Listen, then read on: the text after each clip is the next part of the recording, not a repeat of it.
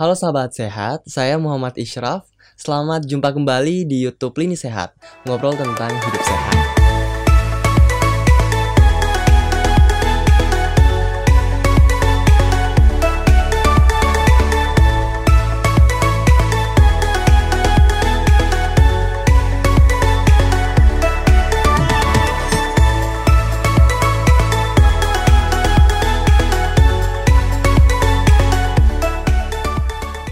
Selamat jumpa kembali di YouTube Lini Sehat, ngobrol tentang hidup sehat.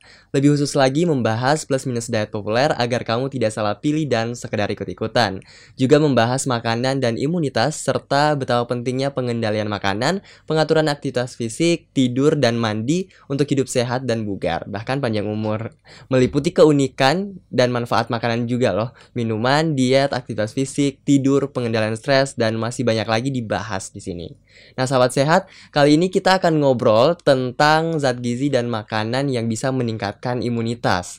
Nah, telah hadir bersama kita narasumber yang gak asing lagi, yaitu Profesor Dr. Hardin CMS, Guru Besar Ilmu Gizi FEMA IPB University, Ketua Umum Asosiasi Institusi Pendidikan Tinggi Gizi Indonesia, yang juga Ketua Umum Perhimpunan Pakar Gizi dan Pangan Indonesia. Selamat datang Prof, apa kabar Prof? Selamat datang, gimana kabar? Alhamdulillah baik Bapak baik, Alhamdulillah. Alhamdulillah. Prof juga baik ya Prof? Iya. Israf juga tentunya. Alhamdulillah, tentunya. Ceria. nah, Prof kita bahas terkait imunitas. Nah, imunitas ini uh, adalah kata yang populer semenjak pandemi sampai sekarang Betul. menjadi pembahasan yang kekebalan tubuh. Iya, kekebalan tubuh. Mm -hmm. Nah, Uh, salah satu anjuran dari Kementerian Kesehatan, kemudian dari dokter dan juga berbagai pihak menganjurkan bahkan di uh, berbagai media iya, sosial berbagai media ya. sosial ini uh, menganjurkan untuk uh, banyak tulisan-tulisan di mana gimana sih cara meningkatkan imunitas nih. Hmm. Nah, kalau katanya Prof zat gizi dan makanan ini turut berkontribusi untuk meningkatkan imunitas kita. Nah, kira-kira dari uh, berbagai zat gizi, hmm. dari puluhan zat gizi ini yang perlu diprioritaskan untuk meningkatkan imunitas apa saja, Prof?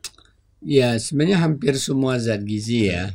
Uh, bahkan uh, komponen-komponennya juga yeah. ya. Jadi kalau kita bicara karbohidrat, ada di sana karbohidrat kompleks, hmm. ada karbohidrat sederhana, bicara asam lemak, ada berbagai asam lemak, jenuh tidak jenuh, bicara apa protein, ada asam-asam yeah. amino, bicara vitamin, bicara mineral, hampir semua itu sebenarnya berperan ya. Hmm. Tapi ada yang lebih utama, ada juga perannya kecil baik secara langsung maupun tidak langsung. Okay. Nah, kalau kita lebih fokus uh, waktunya terbatas, hmm. mungkin kita bisa ambil yang lebih utama ya. Jadi yep. ada enam zat gizi utama yang uh, berperan hmm. dan cukup hit juga uh, berbagai studi yep. uh, mengungkap dan sekarang mulai uh, populer di masyarakat ya.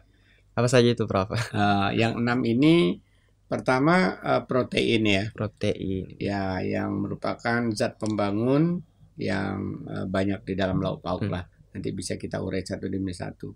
Kemudian yang kedua uh, asam lemak esensial. Esensial artinya diperlukan dari luar tubuh ya. Yep. Tubuh nggak bisa membuat yang disebut dengan omega 3 hmm. ya atau sering kali juga ada kelompok DHA EPA gitu. Oh ya. iya ya.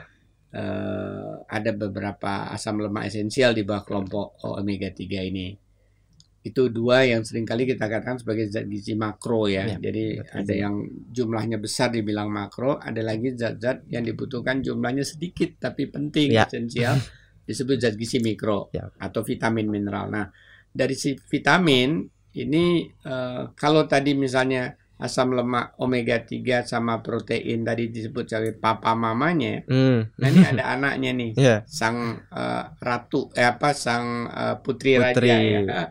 Putri raja ini ada ada dua nih, vitamin C sama vitamin D. Yeah. Mm, ya. Yeah. Kemudian ada lagi dua putra raja ini. putra kerajaan itu pangeran ya. Pangeran. Ya, dua pangeran ini zinc dengan uh, magnesium. Zinc dan. Ya ada peran mineral lain tapi dua ini sangat sangat menonjol sekali ya. Okay. Uh, kemudian uh, itulah kalau kita ibaratkan dalam suatu struktur kerajaan ini zat gizi utama ini. Jadi ada raja, ada ratu, itu tadi uh, ada uh, protein yeah. dan asam lemak, asam lemak. Uh, esensial khususnya omega 3. kemudian ada dua putri raja ya yang Vitamin. kita sebut vitamin C dan vitamin D Vitamin D. ada dua putra mahkota yang kita sebut dengan Mineral, zinc, zinc dan dan magnesium. magnesium. Karena begitu mudah ngingetnya ya. Dari enam tadi nih Prof, Hmm. yang zat gizi dari enam tadi eh, untuk memenuhi kebutuhan zat gizi itu apakah cukup dari makanan saja atau kita sebenarnya perlu suplemen juga, Prof? Ya, pertama tentunya eh, prioritasnya makanan ya, Hmm. termasuk minuman karena ada yang sifatnya cairan juga ya. Misalnya seperti susu kan bisa dalam bentuk cairan, Hmm. bisa bubuk yang dicampurkan. Nah, eh, bahwa kadangkala dalam kondisi khusus diperlukan suplemen Hmm. tambahan di luar dari makanan dan minuman tadi, Oke. termasuk ketika ancaman pandemi, Oh ya. orang ada berisiko ya Hmm. Atau dalam kondisi yang lain lagi barangkali karena stres lain sebagainya Hmm. sehingga nggak bila tidak mungkin terpenuhi dari makanan dan minuman maka diperlukan suplemen. Oke. Tapi eh, dalam kondisi normal ya cukup dari makanan dan minuman saja atau kalau ada kita alergi atau pantangan terhadap Hmm. sesuatu sehingga bisa konsultasi sebaiknya suplemen apa begitu. Oke. Andaikan ada para Berarti diutamakan dari makan dulu ya, Prof. betul. Kemudian kalau misalnya ada satu lain hal yang kayak merasa eh, dari makanan nggak cukup nih, aku nggak cukup makan sayur atau Betul. buah, itu bisa dari suplemen dan Betul. oke. Eh, tadi berbicara enam zat gizi ini, Prof. Ya. Nah, ingin bahas satu persatu nih, Prof. Kalau Iya, iya. protein, ini Iya. sumber protein yang baik itu untuk meningkatkan imunitas jenis pangan seperti apa, Prof? Iya. Jadi eh, baik tidaknya kualitas protein itu Ya. ditentukan apakah dia mudah dicerna, Hmm, ya. apakah tubuh kita mudah menyerapnya, Ya. apakah tubuh kita mudah menggunakannya. Hmm, Nah, jadi pada akhirnya kan zat gizi tadi digunakan tubuh. Ya. Karena itu ada istilahnya eh, kemampuan tubuh me-utilize Hmm. menggunakan. Nah, secara umum itu pangan yang namanya pangan yang berasal dari eh, hewani, ya. eh, telur, kemudian apa lagi Ikan. ikan, daging, susu, Daging. ya itu eh, mudah digunakan oleh tubuh asam-asam Ya. amino atau komponen protein. Karena itulah secara klasik di dalam berbagai pembelajaran gizi dulu ada protein senilai telur ya. Hmm, Karena telur itu dianggap 100% Iya. ya bisa digunakan sehingga yang lain dibandingkan Oh ya. terhadap eh, protein senilai telur tadi. Nah, eh, berikutnya protein ada yang dari nabati. Ya. Jadi memang ada ke kekurangannya dalam arti karena asam amino tertentu yang defisit di sana sehingga Oke. nggak bisa mencapai 100% utilisasinya Hmm, karena itu oke. sering dibandingkan. Nah, cara yang bagus tentunya dikombinasikan Ya. karena di hewani ada yang defisit, di nabati juga proteinnya ada yang defisit Oke. kekurangan tertentu asam amino. Kalau itu di mix dicampur, jadi kalau kita makan tahu tempe dengan telur, ya tempe, kemudian juga ada ikan atau sekali-sekali juga minum susu, maka akan semakin lengkap ya. Tidak hanya soal proteinnya, ketika kita makan tempe ada vitamin mineral menyertai. Ketika kita makan telur, makan ikan, ada vitamin mineral yang lain melengkapi ya. Ya. Jadi semua jadi kaya jadinya lengkap. Meskipun di protein hewani eh, daya cernanya lebih tinggi ya, Prof. Tapi harus tetap butuh juga protein Iya, nabati. karena dia akan melengkapi Oh, Oke. ya yang kurang tadi jadi semakin uh, lengkap. Hmm. Maksudnya jadi ada gitu ya. Kalau protein nabati sendiri sumber pangan yang baik nih, Prof. Protein nabati. Ya intinya sih kacang-kacangan, tapi Ya. buat uh, saudara-saudara kita di Pulau Jawa ini sangat populer ya Ya. tempe, ya, Tempe. tahu, bubur kacang hijau Iya. ya. Tapi di daerah lain bisa jadi ada bubur kacang merah, bisa Iya, jadi ya. Benar.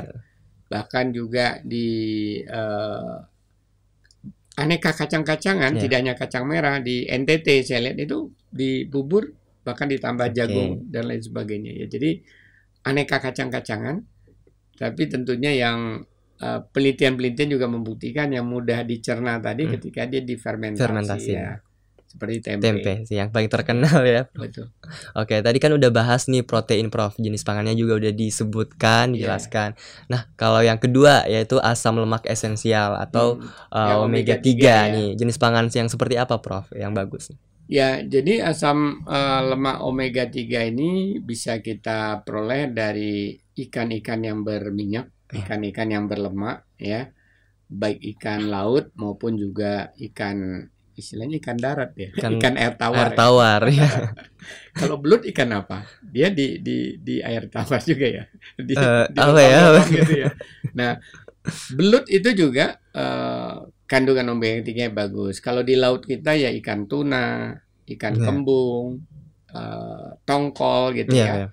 Jadi eh, itu termasuk yang tinggi ya kalau makanan ikan di luar negeri sering kali dari Eropa dikenalkannya salmon, ya. Iya, benar. Tapi di kita yang hampir mirip kandungannya omega 3 seperti itu ya tadi tuna salah Ya. satunya. Terus Kan kembung juga ya, kembung juga sering sekali ya diperjualbelikan dan Oke. diolah buat masakan Indonesia. Oke. Buat teman-teman di pedesaan, daerah persawahan Hmm. itu biasanya belut banyak ya. Ya. Jadi itu juga eh, lebih tinggi lah dibanding ikan mas, ikan Oke. mujair ya di dalam belut. Kalau selain ikan, kalau seafood yang lain misalnya kerang, apakah sama juga atau Iya, ada Prof? tapi rendah ya. Oh, ya. Eh, ada di seafood, nggak sebanyak yang ada seperti ikan yang berminyak tadi. Kalau Ah. kerang nanti dia punya keunggulan di tadi zinc ya. Oh, nanti kita zi- oh ya siap. siap. Oke, kita udah bahas eh, tadi protein, kemudian asam lemak. Lanjut ke eh, Tapi tadi yang asam lemak juga eh, bahan membuat omega 3 itu juga ada di kacang-kacangan, Oh, minyak ya. nabati, Oh, alpukat, oh, ya, eh, sejenis buah ya. Buah alpukat maksudnya, alpukat ya. bukan alpukat orang hukum. Nah, lanjut Prof, Eh, kita bahas tentang vitamin tadi disebutkan vitamin C dan vitamin D ya, Prof. Iya. Nah, Kalau vitamin C sumber pangan yang populer kan eh, jeruk nih yang Hmm. paling sangat Hmm. populer. Nah, selain jeruk, apa saja sih Prof yang eh, bisa jadi alternatif lainnya? Ya, eh, kalau yang tidak musiman ya biasanya Ya. selalu ada di pasar itu pepaya, Hmm. eh, tomat, ya. Tomat itu bisa sebagai sayur, bisa sebagai Buah. buah, tergantung cara kita Iya. memperlakukannya ya. Kadang kadang pusing juga ini tomat masuknya di Iya. buah apa sayur nih. Kalau tomatnya dijadikan ke sambal ya untuk sambal ya. Hmm. Kalau dia dipotong-potong masuk ke sayur untuk Ah, sebagai me- cita rasa dan warnanya Ya. jadi eh, unik ya, rada kemerahan atau kehijauan jadi sayur ya. Tapi eh, bisa sebagai buah, Hmm. apalagi tomat yang besar yang berwarna eh, merah, kuning kemerahan. Dan ada lagi eh, Jam pepaya ya, tadi ya, pepaya, tomat, jambu biji jambu Ya, biji. jambu biji. dan jambu biji itu juga eh, ya ada daerah tertentu yang tumbuh Ya. baik, ada yang tidak, tapi relatif sekarang banyak eh, jambu yang ukurannya besar ya Iya. Eh, di kota-kota diperjualbelikan, sudah dikupas lain sebagainya, jadi relatif mudah diakses. Dalam pisang juga ada, tapi Hmm. nggak sebanyak eh, Ya. di tomat, di jambu biji ya. Jadi jambu biji, tomat itu Oke. eh, relatif eh, lebih tinggi ya Oh, ya. eh, dibanding eh, di pisang. pisang. Tapi pisang tentu ada manfaat lain lagi ya, Iya. ada kalium dan lain sebagainya. Ya.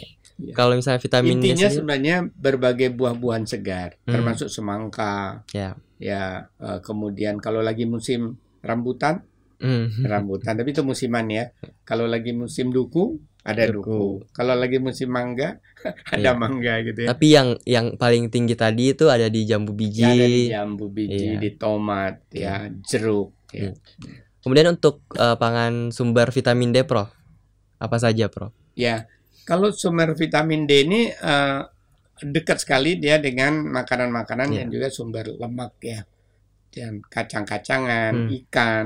Jadi kalau kita makan ikan, ikan berlemak ada omega 3-nya juga kita akan Ya. mendapatkan eh, vitamin eh, D tadi. Kemudian eh, mushroom Hmm. apa mushroom? Jamur. Jamur ya.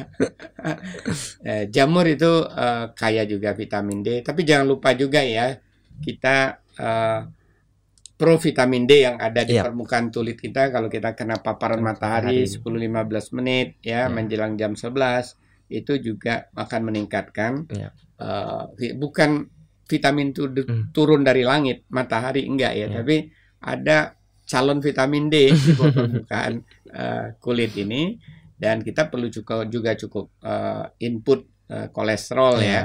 di samping eh, provitamin D sehingga bisa diubah menjadi vitamin D.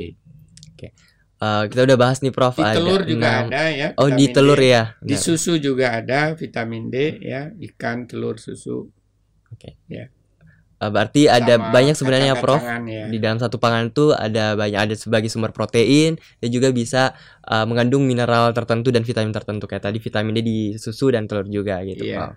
Nah, eh, selain dari eh, zat gizi, Prof, adakah komponen lain yang Masih juga ada mineral tadi ya yang Oh, iya. ada mineral? Iya. Mineral dua mineral lagi, Prof. Ya, kita pilih hanya enam kan? Iya. Ah, dua zat tadi- gizi makro, protein Protein lemak, lemak. dua eh, putri mahkota. Ya, vitamin vitamin C dan D. Dua, Dua lupa lagi nih mahkota. putra mahkota ada zinc, Zinc dan, dan magnesium. magnesium, Ya, lupa teman-teman. Nah, dari zinc dan magnesium nih, Prof. Kalau dari zinc dan magnesium ini sumber eh, pangan yang baik itu dari eh, jenisnya Ya, seperti apa, Prof? Zinc ini paling banyak di dalam kerang-kerangan ya, Hmm. aneka kerang ya. Eh, kerang itu kan banyak sekali. Ya. Eh, ada yang eh, di pantai, di daerah eh, pesisir kelautan. Ada juga yang dia sebenarnya di daerah persawahan seperti siput Ya. ya. Siput atau ciput dia bilang ya. Yang Siput sih. ya yang kalau eh, di persawahan itu banyak sekali Iya. mungkin kadang-kadang dianggap sebagai hama tapi Hmm. itu eh, sumber protein dan juga sumber zinc ya Iya. kemudian ada lokan ya di daerah sungai tertentu itu ada Lokan. lokan ya yang dia seperti ini bisa dibuka isinya eh, seperti daging kuning gitu ya Oh iya, iya. jadi ada yang di air tawar, ada yang di eh, perairan pantai ya. Ya. Nah itu kerang-kerangan tinggi sekali zincnya. Kemudian kalau dari eh, nabati, Hmm. zinc itu sebenarnya ada, tapi eh, apa ya? Tadi kalau kita bicara pen- daya cernanya, Hmm. kemampuan dia dicerna, kemampuan dia diserap dan kemampuan digunakan Ya. tubuhnya rendah. Di dalam kacang-kacangan zinc ada. Di dalam tempe akan lebih baik karena Ya. dia terfermentasi, zincnya lebih mudah untuk diutilisasi. Ya. Jadi tempe juga uh, zinc. termasuk ya. Kalau magnesium, Prof? Nah, kalau magnesium ini paling banyak itu pada yang hijau-hijau. Hmm. hmm. Ya, dia bukan jendela berwarna hijau ya. Maksudnya kita bicara makanan berarti sayur-sayuran ya. Sayur-sayuran ya. Jadi hampir semua sayuran hijau dia tuh berikatan dengan klorofil ya. Iya. Jadi yang hijau itu magnesiumnya tinggi, tapi Hmm. dia juga ada di berbagai pangan hewani yang kita sebutkan tadi ya. Hmm. Eh, Telur, susu, Susu. daging, ikan, eh, hati itu Iya. magnesium juga. Tapi kalau kita di nabatinya Iya. itu yang eh, berwarna hijau kemudian juga di kacang-kacangan juga. Oke. Jadi eh, saya kira itu ya udah enam ya. Udah lengkap nih semuanya udah ada putra mahkota, pangeran mahkota. nah, Ya saya pikir itu tadi untuk untuk gampang. iya gampang untuk ya. gampang mengingat ya teman-teman. Nah. Kemudian eh, selain dari zat gizi, Prof, adakah komponen lain yang juga bisa meningkatkan eh, imunitas kita, Prof? Ada ya. Sebenarnya imunitas tubuh ini disebabkan eh, dipengaruhi oleh banyak faktor ya. Ya. Terbanyak pikiran, aktivitas fisik, eh, stres apa tidak, cukup tidur apa tidak. Ya. Nah, kalau dari makanan itu sendiri bukan hanya zat gizi, Hmm. ya. Karena kalau kita bicara gizi bagian dari makanan, tapi kalau kita bicara makanan, Hmm. belum tentu semua di dalamnya tidak hanya zat gizi maksud saya gitu ya. Ada namanya prebiotik ya Oke. serat bagian dari karbohidrat. Kalau Hmm. karbohidrat yang uh, umumnya itu sebagai zat gizi, Hmm. tapi sering kali uh, dietary fiber seratnya tidak dikategorikan. Iya. Itu uh, penting karena dia menyuburkan uh, mikroba Hmm. mikrobiota usus ya. Nah, satu lagi di dalam makanan-makanan yang difermentasi sering kita temukan itu uh, jasad renik ya, Iya. mikroba baik ya. Bahkan sebenarnya tidak hanya yang difermentasi tapi paling banyak karena memang di culture difermentasikan jadi dia berkembang ya. Iya. Apa itu seperti tadi salah satunya tempe tadi Tempe. ya. Tapi kalau tempenya digoreng ya hilang Iya. jadinya. Tape, tape enggak tape yang baik itu ya dimakan tapenya bahwa ada orang dengan es doger ya, dengan Iya. es campur. Tapi eh, kalau tempenya di eh, tep, apa tapenya digoreng ya Beda lagi. hancur lagi. Berarti pengolahan yang bagus, Prof, untuk mempertahankan nilai gizinya agar hilangnya itu cuma sedikit, itu seperti yang bagaimana, Prof? Ya, orang makan itu kan alasannya macam-macam. Iya, Ada iya. cita rasa kalau digoreng baru enak, Hmm. ya. Tapi kalau eh, yang kita butuh tadi Iya. mikroba baiknya, ya sebaiknya jangan dipanasin, jangan Hmm. digoreng, jangan digule gitu ya. jangan dibobor gitu ya. Tapi ya eh, tempe itu sebenarnya sudah mateng kan, Iya, iya. ya. Jadi selagi dia tadi hygiene penanganannya Yap. atau di steam sejenak aja gitu kan. Nah, kalau tape ya saya kira memang fresh begitu Iya. lebih lebih baik. Ada ada juga kan makanan-makanan seperti toco ya untuk Ya, itu. tauco. Tapi kalau toconya tadi ditambahkan ketika eh, sayur panas-panas ya Ya. mikroba baiknya juga nggak bisa kita peroleh. Tapi makanan luar negeri juga banyak yang difermentasi. Kalau di Korea namanya apa itu? Kimchi ya. Kimchi ya. Itu kan nggak nggak dipanas-panasin. Iya. Nah, di Jepang juga ada natto ya. Oh ya, yang natto. kacang yang kelengket-lengket itu. Iya, iya. Natto berarti. Iya. Eh, Nah, ada lagi juga eh, komponen non gizi dalam makanan. Iya. Itu yang eh, bisa kita lihat dari warna-warninya makanan ya. oh ya. Ada phytochemical namanya, eh, fitokimia di dalam Hmm. makanan yang juga kadang-kadang ada komponen is- isoflavon, Hmm. flavonoid ya, eh, karotenoid Hmm. salah satunya gitu. Jadi eh, itu me- mening- meningkatkan peran antioksidan ya, mengandung Hmm. antioksidan yang kalau itu dikonsumsi. Jadi misalnya Nah. kalau kita makan tadi yang disebut jeruk ya, Jeruk. Jeruk kalau warnanya tadi orange berarti ada komponen antioksidan di samping vitamin C, gitu Iya. kan. Kemudian ada juga jeruk kan yang rada kemerahan ya. Jeruk Bali kan ada yang Oh merah. iya iya. iya. Sayur juga. Bayam itu kan ada Bayam. bayam merah, tidak bayam ada merah, bayam, hijau, ya. Iya benar. Jadi berarti itu ada kekayaan komponen Oke. ya eh, fitokimia yang bermanfaat. Oke. Ya, jadi bukan hanya zat gizi. Oh, berarti dari eh, selain dari zat gizi ada juga komponen Iya. lain yang juga bisa meningkatkan imunitas Betul. kita Nah, ya, mungkin Prof. bisa kita dalami di salah satu episode nanti ya. Karena Oke. Kenapa misalnya kok jahe bisa bermanfaat? Kenapa Ya. bawang putih bisa bermanfaat? Ya. Jadi komponen rempah dan bumbu itu Hmm. juga punya peran penting meningkatkan imunitas. Ah, ya. Lebih baik kita bahas di satu Iya, nanti. Karena bakal panjang nanti ya, Bro, kalau Ya, bahasan. Seringkali pertanyaan berapa banyak sih harus dimakan? Oh iya. Wah itu barangkali juga perlu kita Iya. desain jadi satu episode. Baik, Prof. Eh, terima kasih banyak, Prof, atas diskusi bincang-bincangnya. Ya. Eh, kali ini banyak banget manfaat yang kita dapatkan. Nah, itulah tadi obrolan hidup sehat kita bersama Prof Hardin dengan topik zat gizi dan makanan yang bisa meningkatkan imunitas.